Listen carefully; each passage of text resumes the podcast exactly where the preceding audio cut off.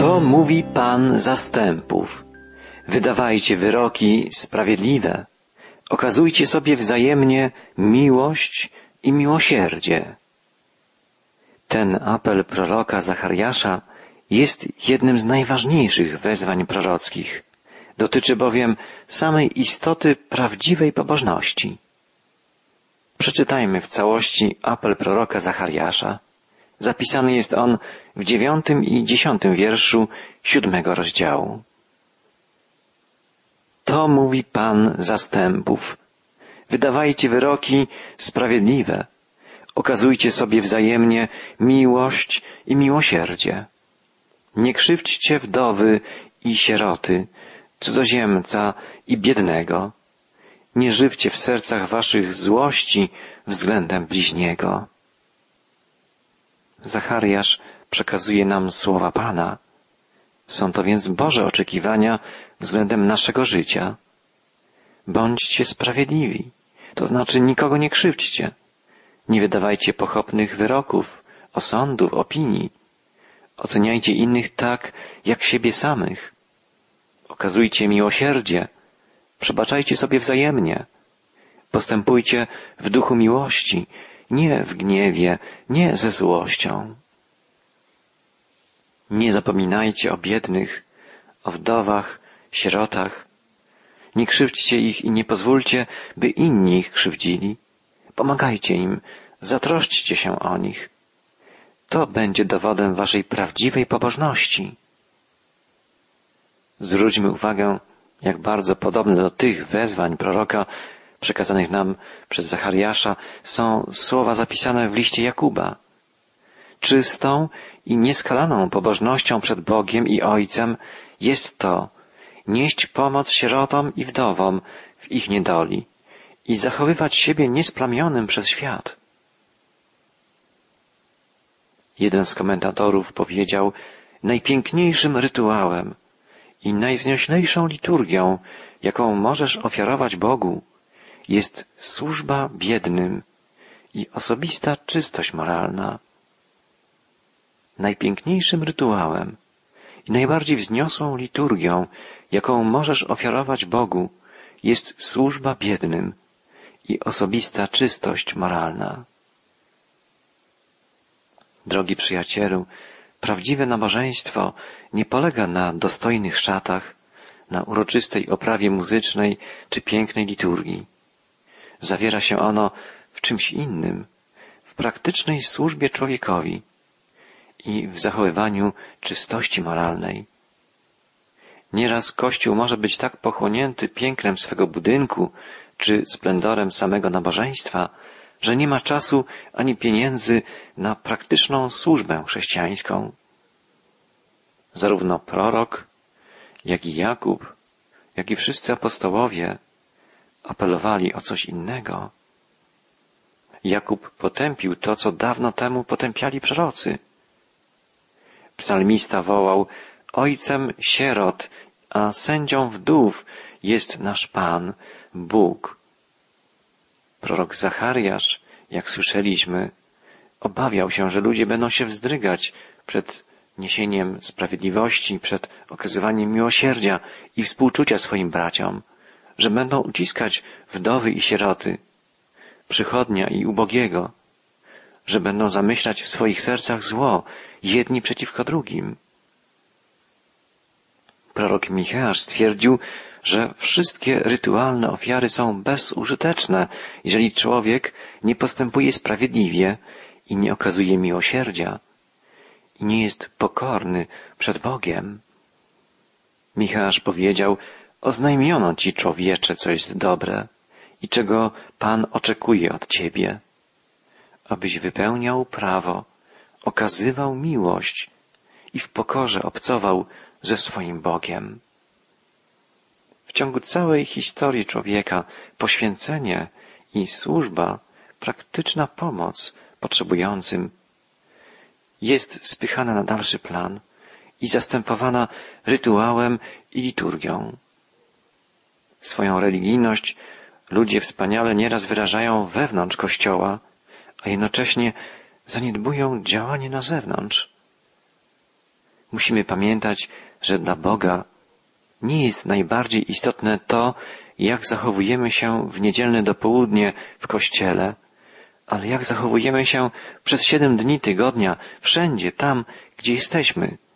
W pracy, w szkole, w domu, na ulicy, w sklepie, w więzieniu, wśród krewnych, wśród sąsiadów, wśród przyjaciół, znajomych oraz nieznajomych. Jeden ze współczesnych misjonarzy powiedział, ci, którzy widzą Cię w niedzielę w kościele, mogą się domyślać, że jesteś chrześcijaninem. Ale co o Tobie myślą ludzie, z którymi stykasz się w ciągu tygodnia na ulicy, w biurze, w sklepie, gdziekolwiek indziej? Uczęszczanie do kościoła i udział w jego działalności jest bez wątpienia nieodzowną częścią życia chrześcijanina. Ale jak wiemy, zarobkowanie, praca, obowiązki domowe, wszystkie codzienne sprawy, wszystko to razem jest probierzem naszej wiary i postawy chrześcijańskiej, naszej prawdziwej pobożności. Co inni myślą o nas przy codziennych kontaktach z nami? Czy nasi koledzy z pracy widzą, że jesteśmy chrześcijanami? Czy nasi przypadkowi znajomi mogą zauważyć, że jest w nas coś, czego nie ma w ludziach, którzy nie znają Chrystusa? Z całą pewnością najlepszym sprawdzianem naszych cech chrześcijańskich jest życie, jakie prowadzimy na co dzień. Na ile jesteśmy chrześcijanami, można sprawdzić wieloma sposobami. Przez to, co mówimy, jak i przez to, czego nie mówimy. Przez to, do czego przykładamy rękę, jak i przez to, do czego nie przykładamy ręki. Bo jakkolwiek chrześcijaństwo jest w pierwszym rzędzie sprawą wewnętrzną, duchową, to jednak znajduje swój wyraz na zewnątrz. Poprzez nasze zachowanie, nasze czyny, nasze rozmowy, obyczaje, przez sposób, w jaki spędzamy wolny czas, przez przywiązywanie znaczenia do spraw różnych, przez dążenie, jakie przejawiamy w codziennym życiu. Czy nasze rozmowy licują z imieniem Chrystusa?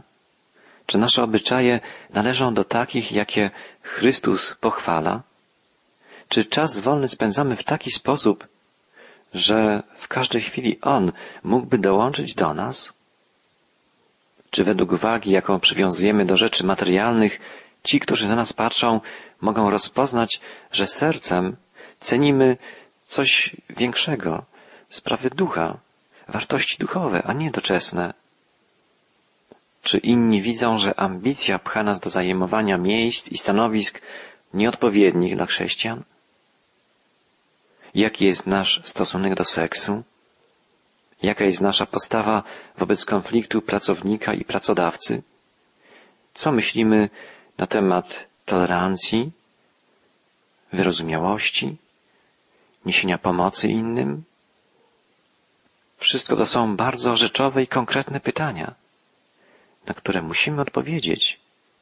I nasi bliźni mają prawo spodziewać się od nas odpowiedzi i wyjaśnień idących w parze z naszym postępowaniem, naszym życiem.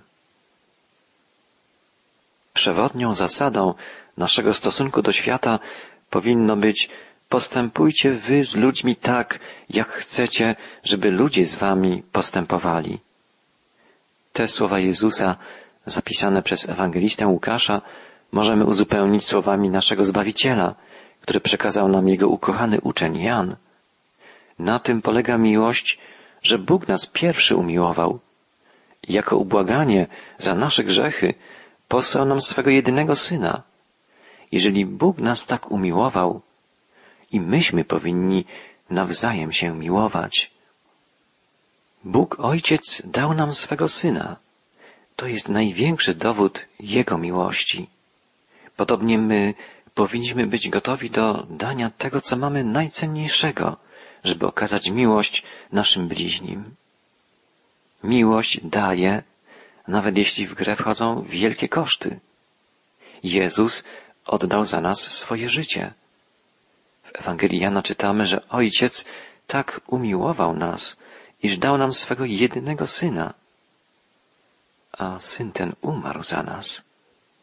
Także i my powinniśmy dawać, nawet gdyby miało to dla nas oznaczać wielkie koszty. Powinniśmy oddawać życie za braci naszych, jak wzywa nas Jan Apostoł. W kontekście ofiary Jezusa wyzwanie Jana wydaje się bardzo przytłaczające i niemożliwe do spełnienia. A jednak zastosowanie zgodne z tym, co mówi Jan, jest możliwe i zupełnie praktyczne. Mamy się dzielić z naszymi braćmi w potrzebie. Mamy czynić to ze współczucia i z miłosierdzia, nie z obowiązku. Mamy wprowadzać naszą miłość w czyn, zaspokajając potrzeby naszych braci, nawet gdyby miało nas to drogo kosztować. W ten sposób możemy dawać siebie innym. W dzisiejszym świecie istnieją niezwykłe potrzeby, a my, chrześcijanie, powinniśmy angażować się w ich zaspokajanie. W tej kwestii Jan wypowiedział całkiem dobitne słowa. Jeśli ktoś posiada dobra tego świata, a widzi brata w potrzebie i zamyka przed nim swoje serce, jakże w nim może mieszkać miłość Boża? Apostoł Paweł powiadał, że chrześcijanie macedońscy okazywali taką właśnie miłość.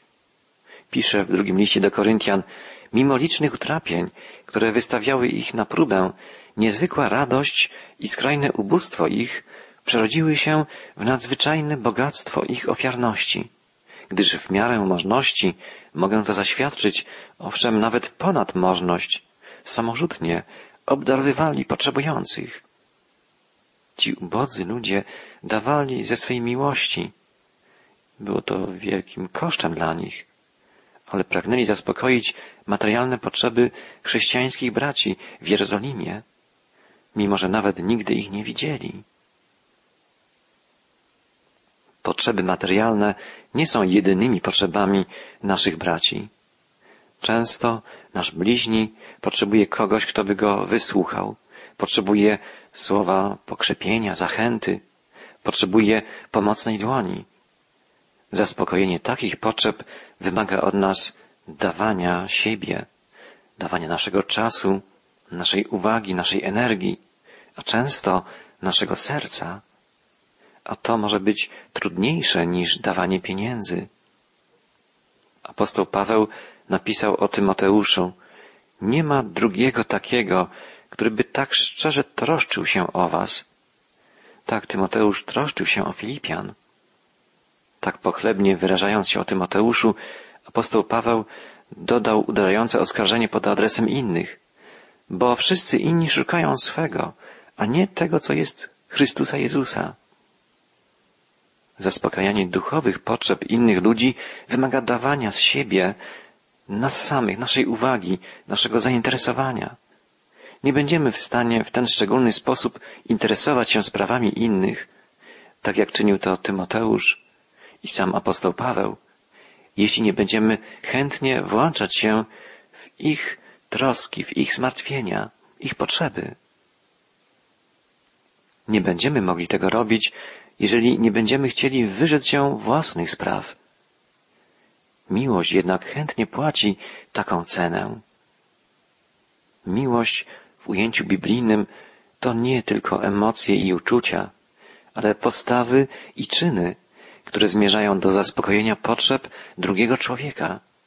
Miłość to raczej sprawa działania niż emocji, wysiłku woli niż uczuć. Z drugiej strony, naszym działaniom powinny towarzyszyć pozytywne, szlachetne uczucia. Biblia zachęca nas, umiłujcie czystym sercem jedni drugich gorąco. Jest to oczywiste, że miłość, o której mówimy, może być wytworzona w naszych sercach jedynie przez Ducha Bożego.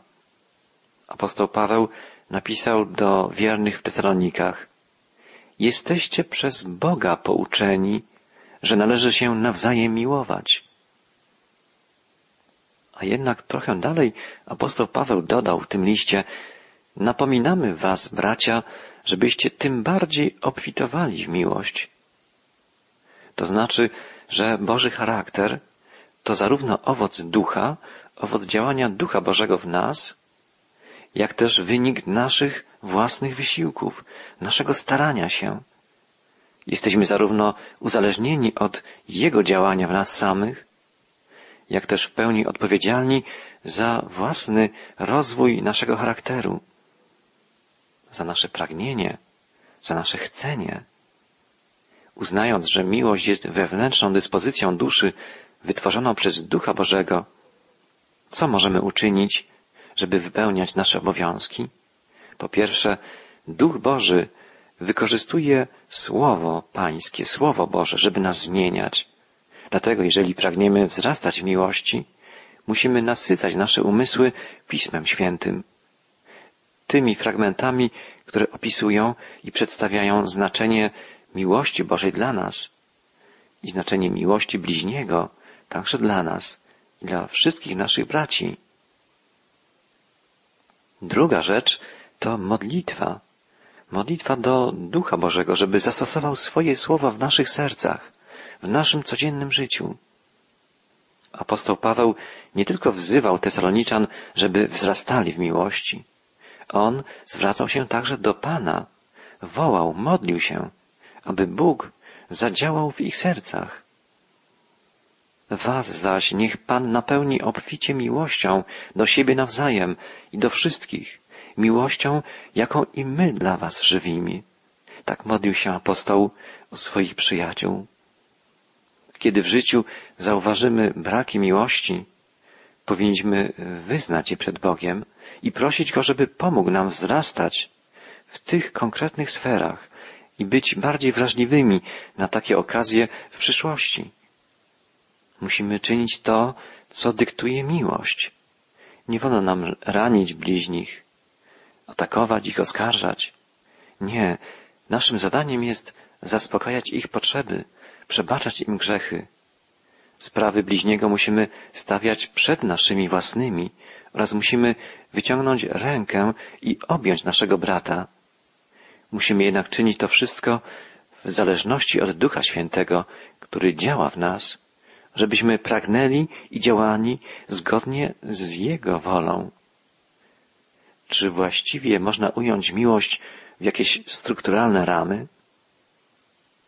Nie. Tak samo bowiem nie sposób ująć w formie struktury działania Ducha Świętego. Możemy natomiast wytworzyć pewne umiejętności. Możemy postanowić modlić się w sprawie naszych potrzeb, żeby rozwijać się, wzrastać w miłości. Możemy myśleć o ludziach, którzy potrzebują naszego czasu, naszego zainteresowania, czasem może naszych pieniędzy oraz zaplanować sobie zaspokajanie tych potrzeb. Możemy przyznać się do naszych niepowodzeń w sferze miłości, miłości bliźniego, w konkretnych sytuacjach. I możemy zanieść te niepowodzenia przed Boga, wyznać Mu że jesteśmy tylko od Niego zależni i tylko od Niego możemy czerpać siłę do działania z miłością względem innych. Wszystko to możemy czynić i powinniśmy czynić, jeśli mamy wzrastać w łasce miłosierdzia, jeśli mamy wzrastać w miłości. Musimy jednak czynić to wszystko, wiedząc, że jedynie Bóg może spowodować, że miłość w nas będzie wzrastała. Wiemy bowiem, że Jego wolą jest, żebyśmy wzrastali w miłości. Czyniąc to z naszej strony, co powinniśmy czynić, możemy liczyć na to, co może i pragnie uczynić w naszym życiu Bóg. Nie dlatego, że nasze czyny zobowiązują Go do działania, ale dlatego, że Bóg jest pełen miłości i On pragnie, żebyśmy i my stali się miłującymi. Jeszcze raz podkreślmy, nasz Pan pragnie, żeby w naszych sercach wzrastała miłość i by wyrażała się ona w praktycznym działaniu. Tak naucza Słowo Boże od samego początku.